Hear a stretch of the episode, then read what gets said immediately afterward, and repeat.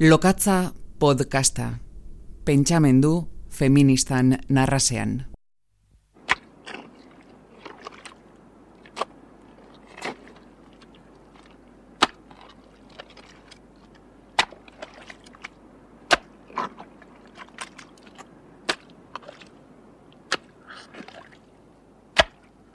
Jodezagun mila bederatzireun eta larogeita bosta dela.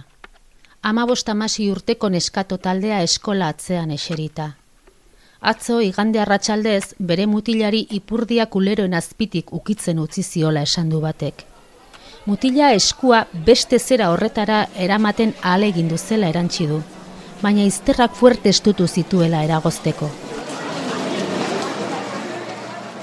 Eztarria garbitu ostean zera galdetu du beste batek. Esto zuek masturbatzen altzarete. Isiltasunak etendu txortxorra, norbaitek, ahotsitoz, hausi esan duen arte. Baina hori ez alda mutilen gauza bat. Guneskok masturbatzea posible da ala. Jodezagun bi mila eta mazazpia dela. Amabost amasei urteko neskato taldea eskolatzean eserita. Atzo ondo ezik egon zelako etzela etorri eskolara esan du batek. Ahotsa apalduta segitu du botaka eta tripako mine zibilizela, bezperan hartutako biharamuneko pilularen eraginez. Igande arratsaldean kondoirik gabe egin zuela larrutan bere mutilarekin. Hori izan dela elkarrekin urtea bete dutelako egin dion oparia. Gainerakoan beste guztia egina dutela, eskuarekin astindu diola zakila, jan egin diola ahoan korritzen utzi. Sei hilabetera heltzean txortan egin zutela, eta orain urtebete garrenean kondoirik gabe barruan isurtzen utzi. Urrengoa atzetik egitea izango dela, baina beldurra ematen diola. Horra hor beste desio hauzi bat. Geure desio ukatzen bezala besteenak betetzen trebatu baikara mendeetan emakumeok. Parabisuko sagarreskaintzaile, aragiten tatzaile, lolita provokatzaile, Itz batez, gizonen desio ustez geldigaitz eta agorrezinaren betetzaile. Oiektu. Tresna.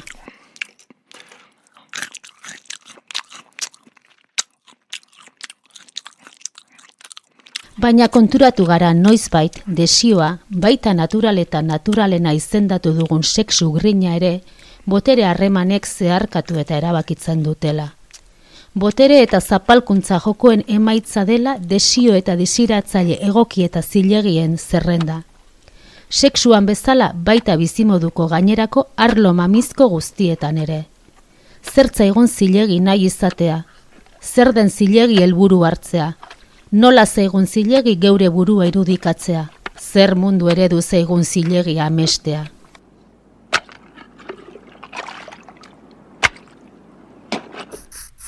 Idurre Eskizabel.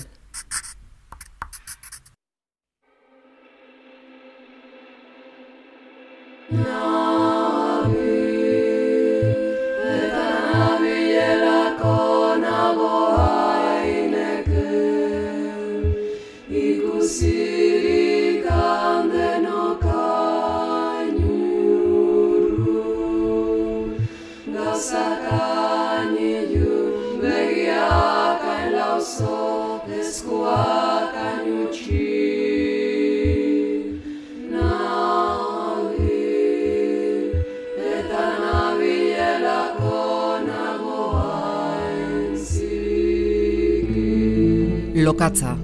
gabiltzalako gaude ainezikin.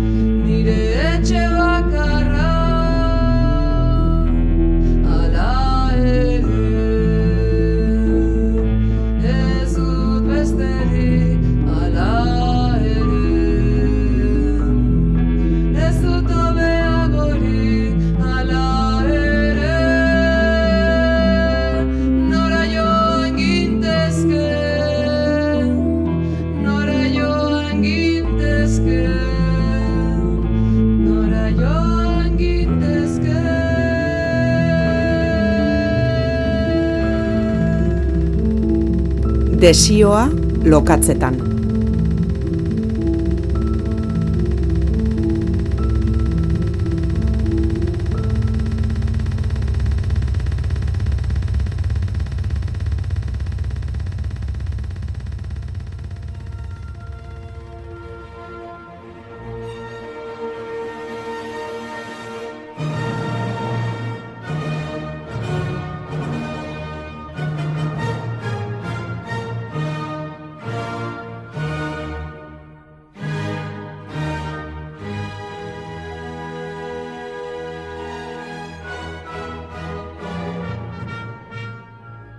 Ni bortxatu naute okerrego naizelako. Okerreko sexua, okerreko adina, okerreko azala, okerreko sudurra, okerreko hilea, okerreko beharrak, okerreko ametsa, okerreko geografia, okerreko joskera. Ni.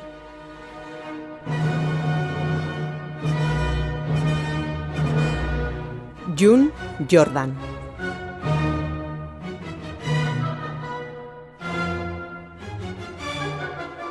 Zeus Europarekin maite mindu zen, eta Europak ez ez esan zion, baina garai hartan ez da ez zegoen oso barneratuta.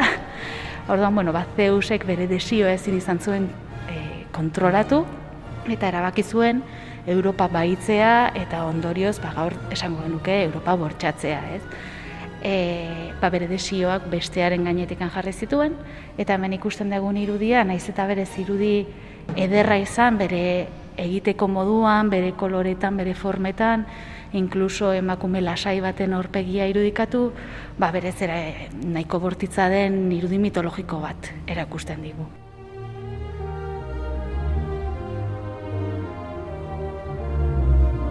Europa baituak azal zuria du. Zuri ageri da zezen forma hartu duen Zeus baitzailea ere, kretarako bidean. Ez batek, ez bik, ez iruk amaika margolarik irudikatu dute mito hau. Aizea Barzenila Unibertsitate irakasleak oraintxe bertan aurrean daukan bertsioa Martin de Bos Flandriarrarena da, mila bosteun da larogeita marrekoa. Eta Bilbon dago ikusgai.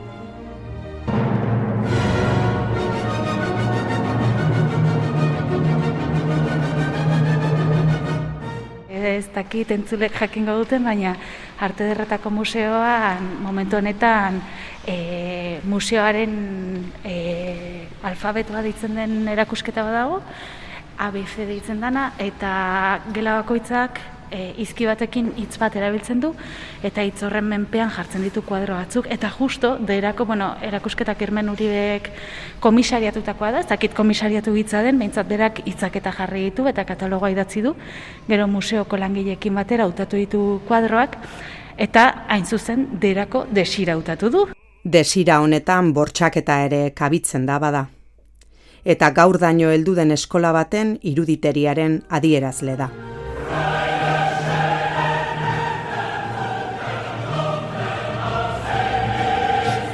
Ikusten da dela e, irudi mota bat orain hasten dena dela emakume pasiboaren irudikapena, emakume etzan askotan.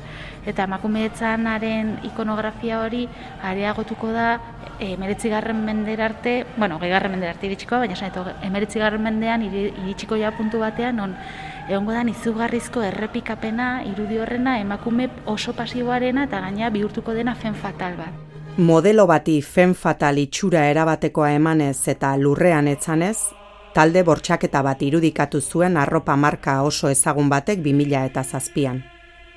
Europak baituta segitzen du. Gehien errepikatzen den irudin bota orain dikan jarraitzen du. Ba, hasieran ikusi dugu niaia bortxaketaren, bueno, baiketaren irudi hori izatea emakume etzana tisikoaren irudi hori, hori zuzenean pasada publizitatera. Baina zuzenean, eh? ikuste dituzu emeretzi garren mendeko grabatuak eta ikusten duzu hogei garren mendeko e, publizitatea, moda etxeena batez ere, koloniena ere, eta berdin-berdina da, ez da zerra aldatu. Chloe, txuela? Just take a up the phone, baby. Please, Chloe, pick up the phone. You, you were so pretty yesterday. Je veux te revoir. Chloé, eau de parfum. No indikan ikonografia hori mantentzen da, eta oso gainera oraindik ere saltzen digute e, edertas emakumeok ere nahiko genukeena bezala, ez? Anuntzia kolonietakoak. Nei adibidez anuntzio hoiekin kritikoki badaki terriblea diela eta oraindik ere estetikoki lortzen duten ni fastinatzea, ez? Eta dakator beti borroka bat esatetela, jo, berriz lortzen dute zu fastinatzea eta badakizu dela kursia, dela patriarkala, mhm. dela e, emakumearen irudi estereotipatua, dela printzesaren irudia, baina nola erabiltzen dituzten argia, koloreak ziondo egiten duten, ez? Nola dien kapazak hori behin eta berriz ere lortzeko.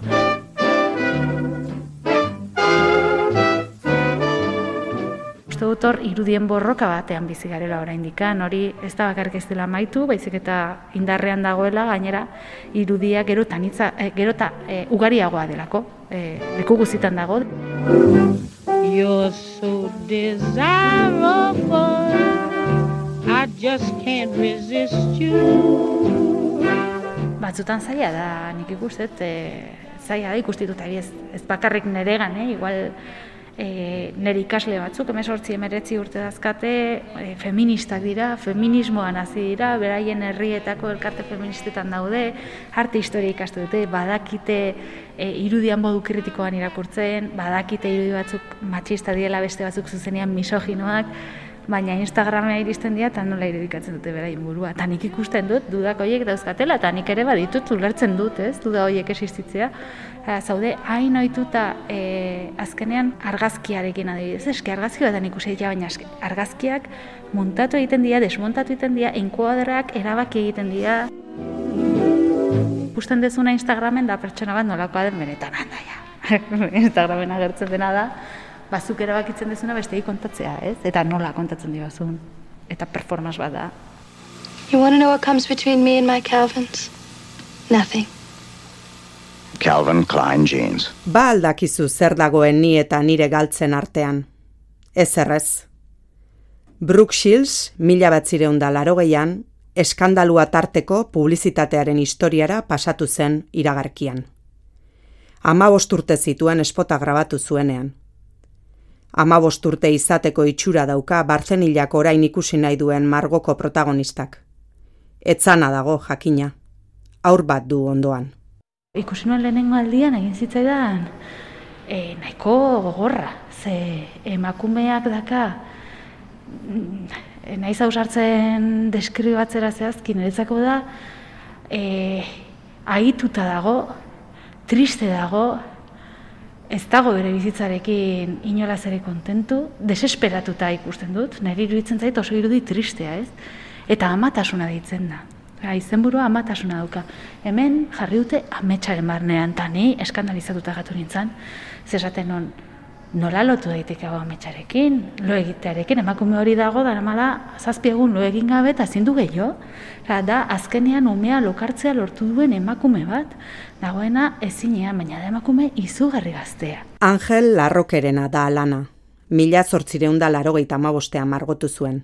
Printzipioz ez luke desirarekin inolako loturarik izan, ez da desira transmititzen duen kuadro bat, ez? Ba, justo kontrakoa e, egiteko aukeratu dut e, amatasunaren desiraren mitoa apurtzeko, ez? Zer desiratzen dugun edo zer uste dugun desiratzen dugula zoriontsu egingo gaituelako eta gero batzuetan ez da hola. Eta naiz hitz egiten ari sexuaz edo placer fisikoaz, baizik eta e, zenbateaino e, batzuetan barneratzen dugun txikitatik esan da, e, adibidez, ama izaterakoan zoriontsuak izango garela, eta batzuk badira, eta beste batzuk ez amatasunari buruzko gogo eta egin du nerea filatek ere, iruñetik. Bueno, ni, nik baditute semelabak eta eta eta jaiotzarekin eta, bueno, materialtasun hori aldatzen denean, ez, bapatean hor e, ezin nuen izendatu zegertatzen zen, ez, ez, bapatean hor baduzu ez, ez dakitze ez dakit nola esan, baina bueno, ba arreta bat bete beharra, ez, ardura bat, eh eta eta eta bueno, nik uste dut em, ba, emakume feministaren ikuspuntua baldin baduzu edo feminismoak nolabait zerkatzen baldin bazaitu, ba ba matasunak e, kontra esan askotara eramaten zaituela. Zentzu ezberdinetan, ez? Eta, eta nik uste dut, ba, lokatz bat pixka bat, ba, badela.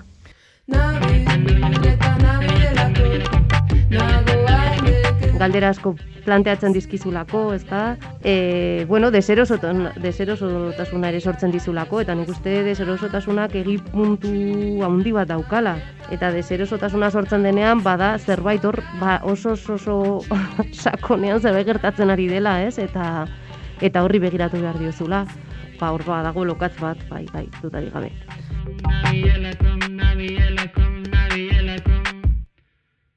Lokatza podcasta. Pentsamendu feministan narrasean. Ni zuekin denokin oheratuko nintzateke. Munduko udazken guztietan izango nintzateke ikusirik nola berdea urrearen antzo gorritzen den. Ni uin gainean uin handiaren apar artean erioaren beldurri gabe izango nintzateke. Ni airean nire herriko karrik artean igeri ibiliko nintzateke.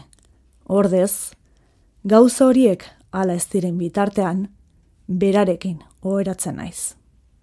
Amaia Lasa Mm, no he desitjat mai cap cos com el teu Mai no he sentit un desig com aquest Ja, nik uste dut, em, desioa, desioa hitza ez, e, gaur egun edo zen gauzatarako aitzakia dela pixka bat ez. Edo nolabait e, bakoitzaren buruaren nahi guztiak ba, ba, bueno, ba, justifikatzeko arrazoia. Baina niri adibidez de, desio hitza asko gustatu zait beti. E, hain zuzen ere e, nolabait e, ba, teoria ba ez dakit marxismo heterodoxotik e, ba, desioaren deskribapenaz e, e, ba, egin diren proposamenak ba, oso interesgarriak iruditu zaizkidalako eta eta ni asko seduzitu naute, ez? Ez dakit em, nolabait hortik beti kontatu izan dena, e, desioa izan dela, ba, nolabaiteko desio askatzaile bat, ez? E, ba, kontzientziatik ba, eraikita, ez? Eta mm, naiz eta kontzientzia horietatik e, erabakiak hartzera bultzatzen zaitu eta zaituen eta horrek, ba, igual galera bat suposatzen duen, ez? Gauzak alde batera uzten dituzun, ba, desio horrek ba, nolabaiteko autonomia pertsonala sortzen duena eta eta indar bat, ez? Eta eta niri e, irudi hori politikoki ere oso interesgarria iritu izan zait beti eta gainera horri utzi diot ba oso modu agerian, ez? Beste hiri eta kultur giro batera aldatu gara bai. Katakrakera. Hau ez da museo bat, baina hemen ere kultura da ardatz. Hitzaren adierarik zabalenean. 2000 eta amairuan iriki zituen ateak ekimenak. La hormiga atomika liburuak proiektua izan zuten aurrekaria. Nik e, e, e, politika modu autonomoan egitean zinez, e, zinezten dut. Eta eta eta niretzat e, momentu hontan katakrak da egon nahi dudan tokia. Hori e, izendatu ahal izan dudanetik egia esateko, ba, zoriontasun handia eman dit, baina e, nik horretan e, sinesten dut e, benetan. Eta grina handia edo e, erronka handi bezala edo grina sortzen didana ba, lan, lanari eusteko, e, eta bada ezberdinak direnekin ere e, proiektuak e, egiteko aukera izatea. Badakizu nik uste dut gaur egun e, gure esporroak oso homogeneoak direla. Oso oso homogeneoak bai politikoki, bai sozialki, bai laguntasunaren aldetik, bai ez dakit, bai eskoletan, bai eta eta eta horrek e, benetazko ar- ardura ek- ekartzen dit. Et, eta uste dut ez, ez goazela bide honetik alako o, ez, normaltasunarekin edo homogenizazioarekin. Jatetxea, liburu denda, editoriala, bilgunea, hainbat arlo eta plaza jorratzen dituzte. Gorputza bezala, burua, auzoa, iria elikatzea helburu. Hori ere, desio bat da. E, nik uste dut e, ba, bai, teoriaren maila gu, ba, gutako askorentzat ere oso garrantzitsua izan dela eta eta oso garrantzitsua dela e, modu berean batez ere ba, proiektuaren norantza ulertzeko, pentsatzeko, eztabaidatzeko, mugak ikusteko, e, eta gure arteko harremanak ere sortzeko hori dutari gabe, baina katakrak ere, bueno, guk oso presente dugu, eta, eta bueno, horre ere nola baiteko esparru kontrasankorra kontrasankor bat, ez? Sortzen zaigu batzutan oso proiektu materiala da, ezta? Ze e, egunero batea zabaldu behar da, egunero garbitu behar da, egunero etortzen diren gauza guztiak sartu behar dira, egunero jendearekin egon behar da, egunero zaindu behar da, ez?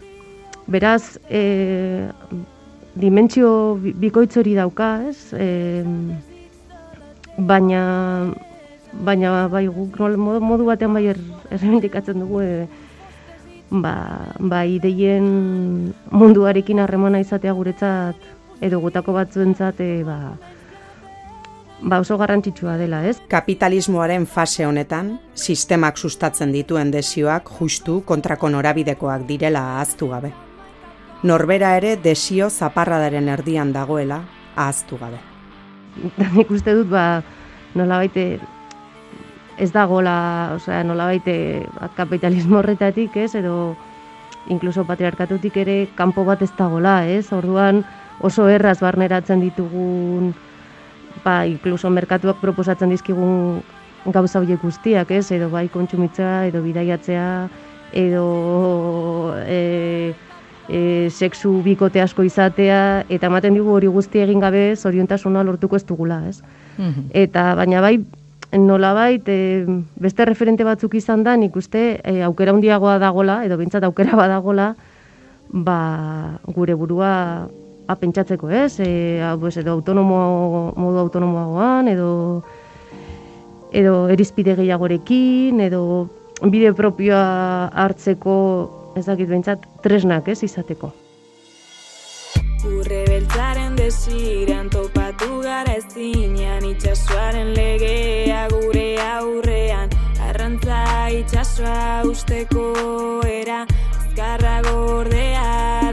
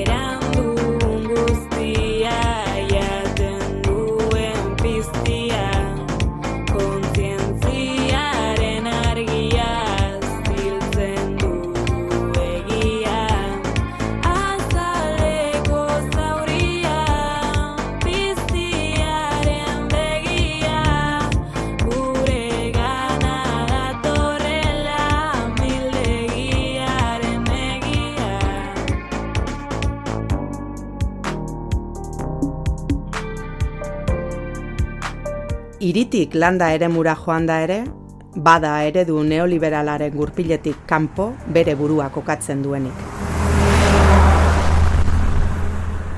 Miren aire, urepelen, hartzain da ogibidez eta bizipenez. Bo, lehen lehenik uh,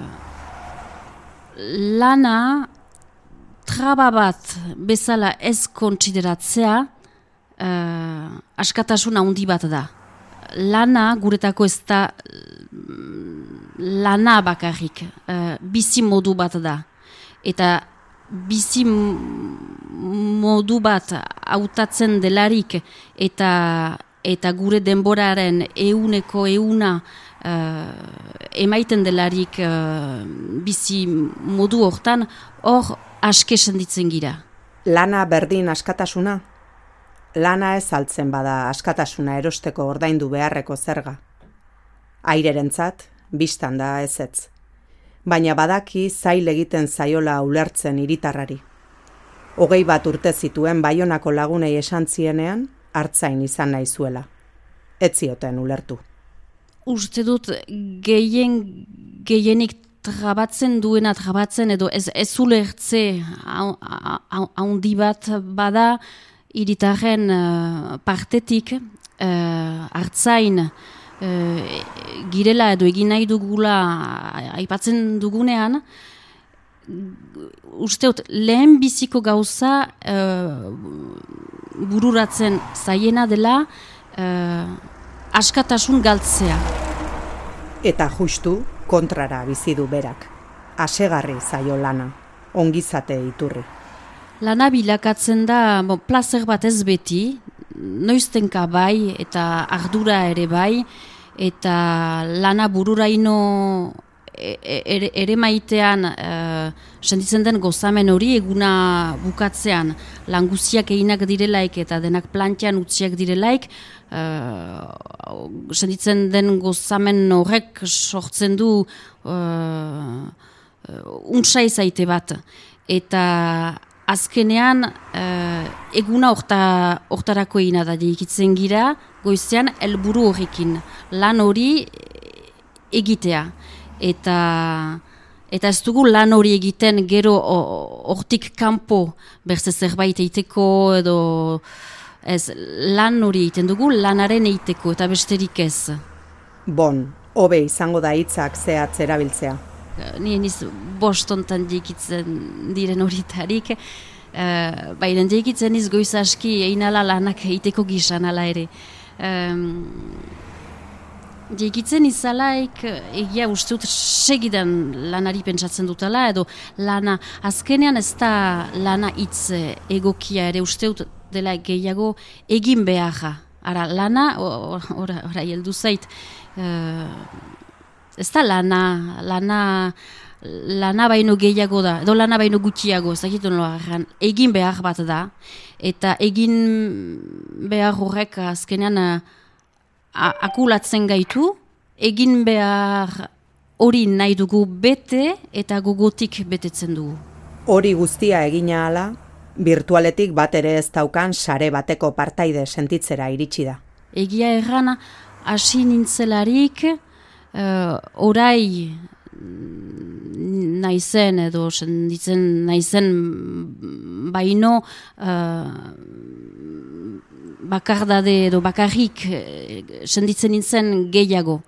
Eta emeki meki e, sartzen da zuk aipatzen zinuen komunitate batean bezala, e, gizarte batean, eta errola bat hartzen da, eta sare batean azkenean mm, sartzen da.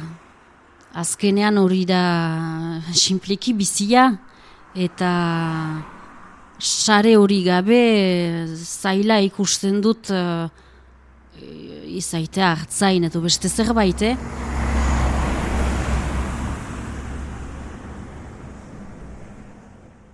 Ibar zola itoetan gura nuen haize biziz. Errekalde hilunetan egarri nintzan goizargiz gau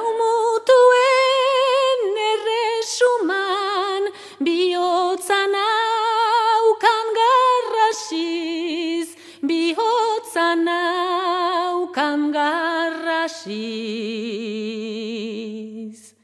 Miren aireren eguneroko jardunean eta sarean, hartzaintzaz gain, kantagintzak ere badu bere tokia. Entzondo nere baitan, kantari mendia. Gu kantuzari gira, azkenean, kantuzari girela pentsatu gabe edo hartu gabe edo, edo erabaki gabe. E, E, gure gure idaia ez da sekula izan uh, gainera hori egitea luzaz edo gure gure bizi guzian ala gertatu da, ala gertatzen ari da, naiz eta ez duguna hainbeste mm, kantatzen eta orai, orai ono gutio, bai, baina uh, hori xantza hori aukera hori badugu, jendeak ez benka galde egiten gaitu, han edo hemen kantu, kantuen manaldi bat eskaintzeko eta gu ba, beti joiten gira, gotik, baina ez dugu horren inguruan egin alako, alako lanik egia erran. Gu horretan, mirenekin batera, amaia eta paskalin ere sartzen dira, aire aizpak. Baina horretan ere, egun nagusi diren amets desio arrakasta helburuen sailkapenen antipodetan kokatzen da. Erabakitzen alda kantari zaitea eta eta hortan eh, hortan dedikatzea dem, dem, denboragi hortan pastea eta eta eta erran duzun bezala ko, komertzialki ere pixkat uh, alderdi alderdi batzu hortarik uh, nola erran uh, ateratzea zerbait hortarik. Bon, gure kasua ez da izan. Entzundu nere baitan mendiaren deia. Ba izan dira proposamen batzu behin baino gehiautan gainera, bon, disko etxe desberdinen gandik ukan, ukan dugu uh, hori, proposamen hori, eta bon, iaguk ol, olako bon, haunitz ez dute janen, baina bakar batzu bai, ala ere refusatu ditugu. E, ezkin olakotz senditzen alako interesik, azkenean gure interesa zen kantu zartzea, eta, eta ez giroen horren beharrik kantu zartzeko plazan eh, kantatzea xantza bat da, baina hori ez baginu izan ere guk segituko ginuen, orain segitzen dugun bezala, etxean hauniz kantatzen, eta eta horrek berak uh, sortzen dau uh, hori poz hori eta horrekin uh, kontentzatzen gira.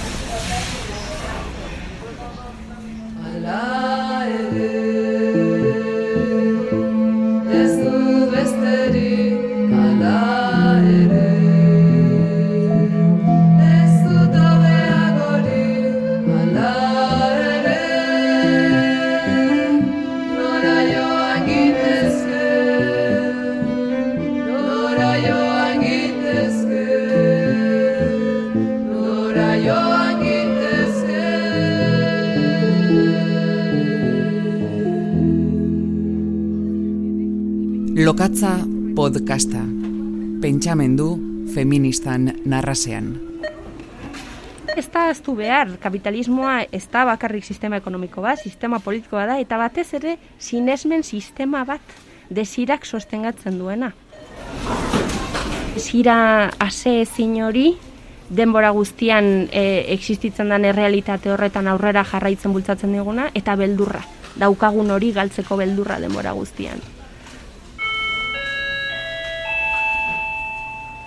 Bezero agurgarria. Bat beharrean bi erosiz gero, bigarren beldurralea euneko irurogeita mar merkeago daukazu gaur. Autore askok eh, magiaren bitartez azaltzen dute, ez? Ematen du badaudela eh, horrelako sorginkeria batzuk edo konjuro batzuk eh, kapitalismoak egiten ditunak eh, zenbait errealitate desitxuratzeko eta itxura emateko existitzen garen mundua dela mundu eh, posible oberena eta desiragarriena eta ez da eh, nahiko agerikoa iruditzen zaigu batzuek behintzat ez dala horrela, baino zein ondo iskutatzen duen errealitate hori benetan izugarria da. Xukare Otero, gazteizko bala kolektiboko kidea.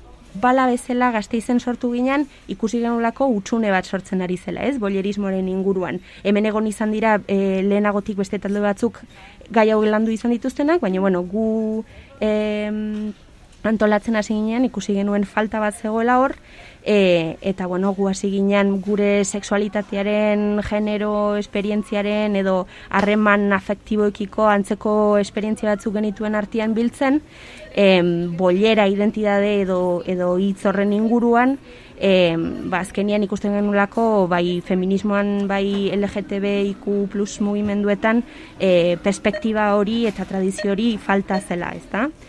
Ez dadila bisturia falta badazpada ere, bizi gaituzten desioen barrunbe esoterikoak agerian usteko.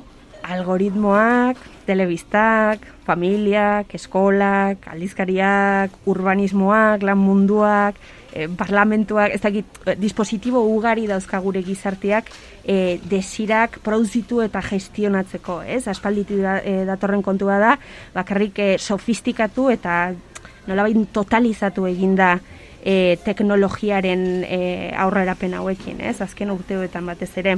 Hortxe, desio izeneko makina baten ezurdura.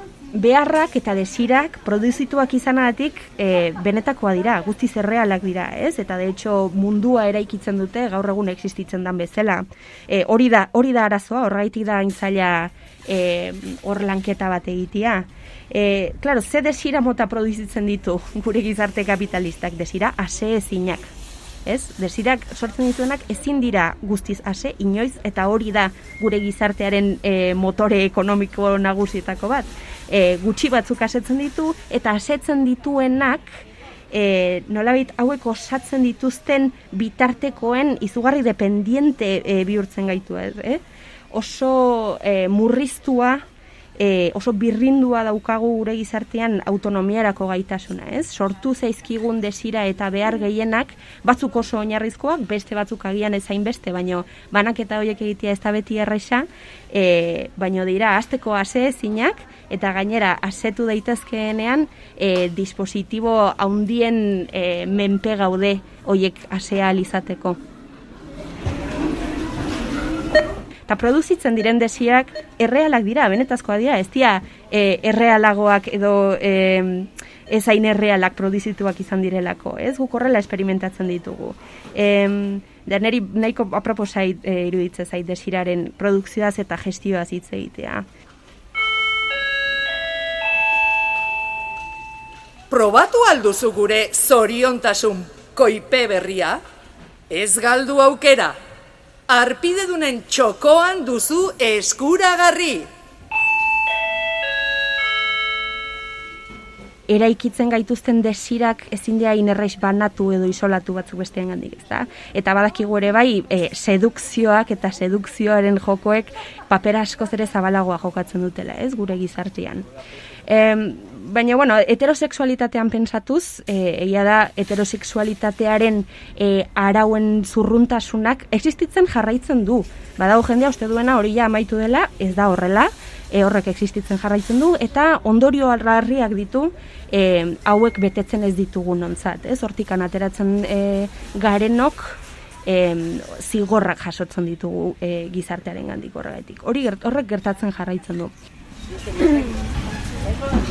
fascismoa berti hortxe dago, eta e, ez dakit nola esan, e, heterosexualitate zurrunetik apurtxo bat mugitzearekin e, hori nahikoa da konturatzeko, ez? Zein laizter e, bihurtze zaren vulnerableagoa e, arrisko gana, ez da?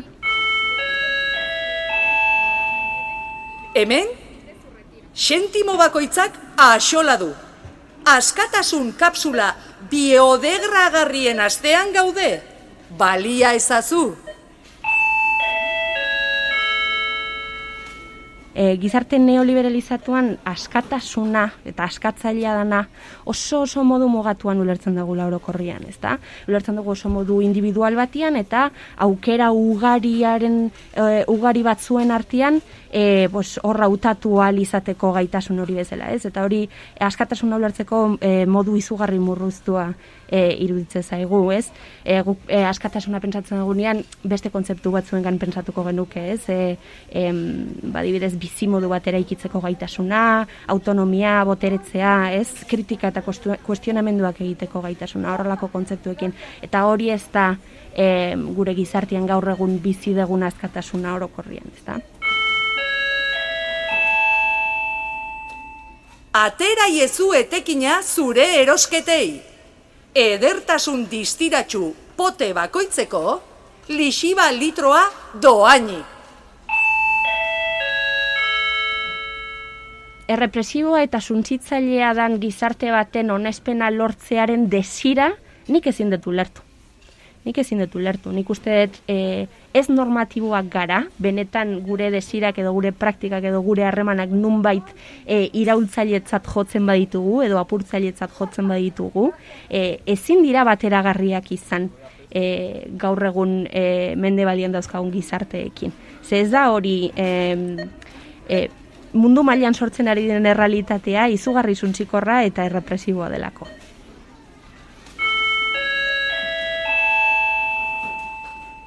Abantaila gehiago, bazkide izateagatik.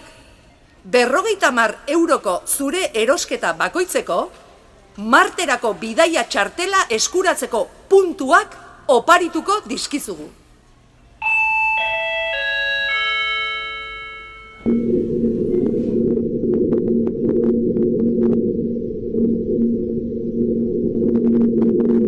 Zenbat Europara dago Marte?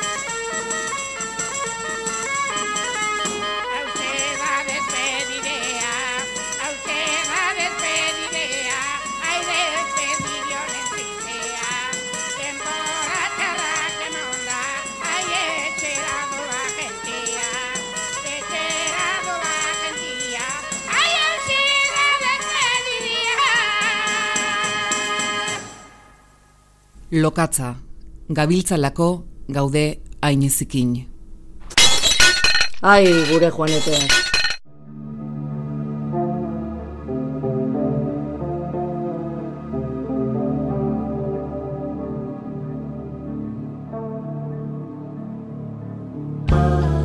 Txikitan asko irakurtzen zutenen klubekotzat hartu izan dut nire burua beti.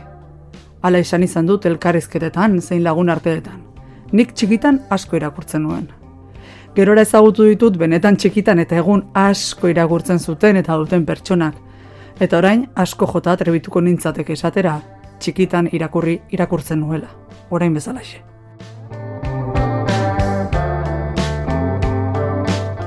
Zaletasunaren gorena ordea adolescentzian izan nuen.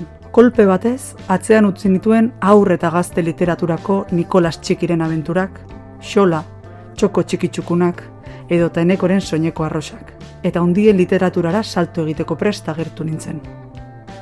Ondo nola ez dakidan arren, hor bilakatu nintzen ni asko irakurtzen zuen nerabea. Liburuak bata bestearen atzetik iresten zituena. Baita liburu bera birritan eta irutan irakurtzen zuen gazte obsesiboa ere. Eta ondo goratu ezarren ere, hor desagertu ziren bat batean euskarazko liburuak nire bizitzan.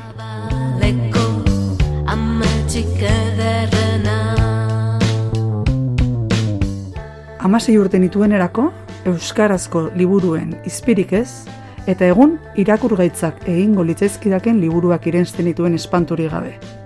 Oikoak ziren nire mesanotxeko konpainian, Colette, Virginia Woolf, Anais Nin, Oscar Wilde.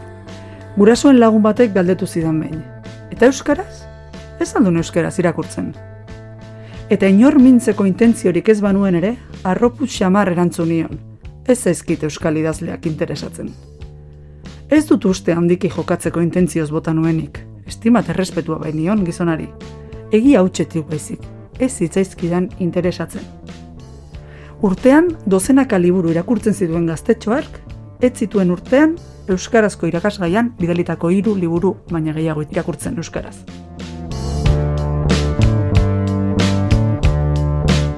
Behin ordea, urteak pasata, batxillergoko lehengo mailan euskarako irakasleak honako liburu hau bidali zigun. Bernardo Atxagaren zeru horiek. Gogoan dut, azterketa gainditzeko helburu eta entusiasmo justuarekin zabaldu izana liburu gura. Baina gogoan dut baita ere atzetik gertatu zitzaidana zerbait arraroa somatzen nuen liburuan. Zerbait oker, koaratzen ez zuen zerbait. Hitza eta edukiaren arteko disonantzia bat. Etzen edukia arazoa. Ikasgelara iristerakoan konturatu nintzen zertzen egun haietan nabaritu nuena. Irakasleak liburuaren inguruan galdera bota zuen. Nor da liburuko protagonista? Kolpe bakarrean eta segundu milesima batean konturatu nintzen lehen aldia zela aur eta gazte literatura aura atzean utzi nituenetik, emakume bati buruzkoak euskaraz irakurtzen nituena. Konturatu nintzen, arraro egin zitzaidala, eta ohartu nintzen aldi berean, ez zela euskarazko literatura interesatzen ez zitzaidana, baizik eta gizonek gizonentzat idatzitako euskal literatura ura.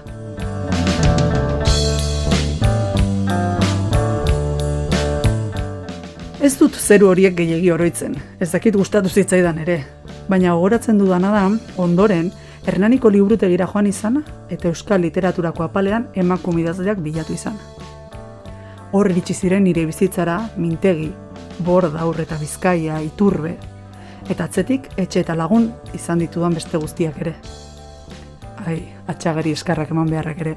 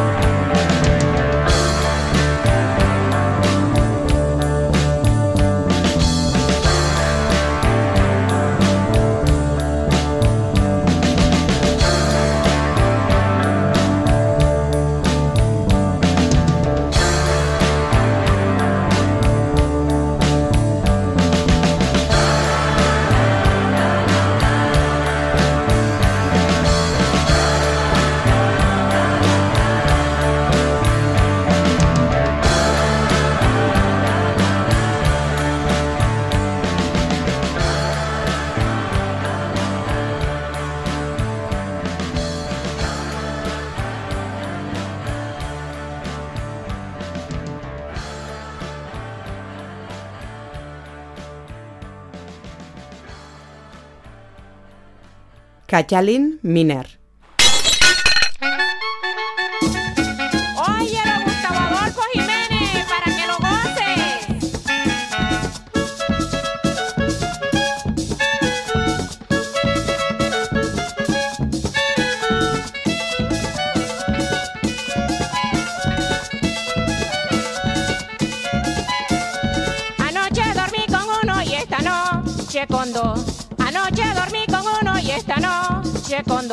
¿Quién recogerá la piedra y quién la cama quedó?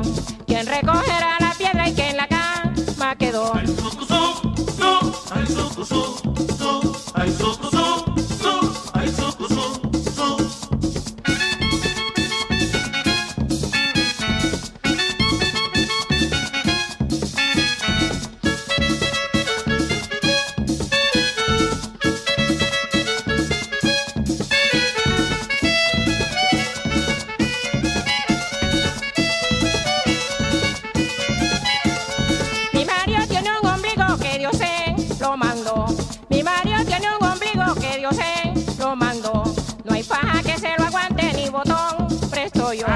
hay paja que se lo aguante ni botón, presto yo. Mi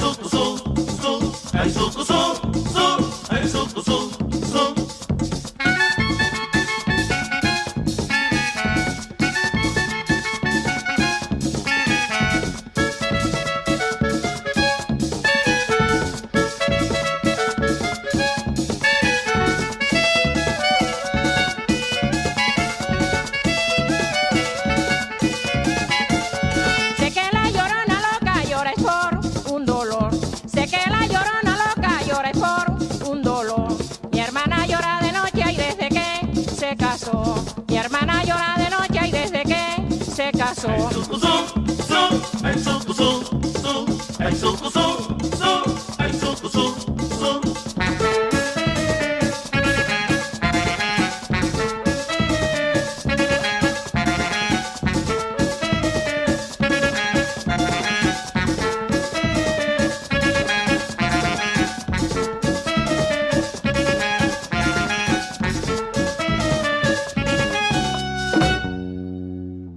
Lokatza podcasta.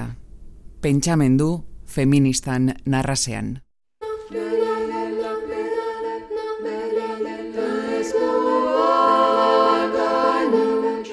Gidaritza, Ainara Lasak, Amagoia Gurrutxagak, Idurre Eskizabelek eta Lorea Agirrek. Sintonia, Mursegok, Lurde Siriondoren ala ere berbisitatuz. Musika aukeraketa, Maider eta Leire Trikitilariek.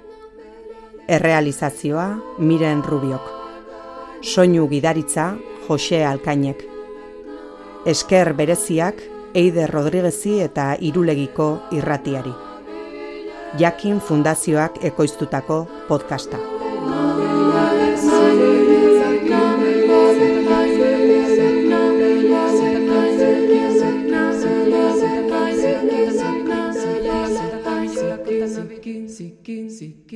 石坚，石坚，坚。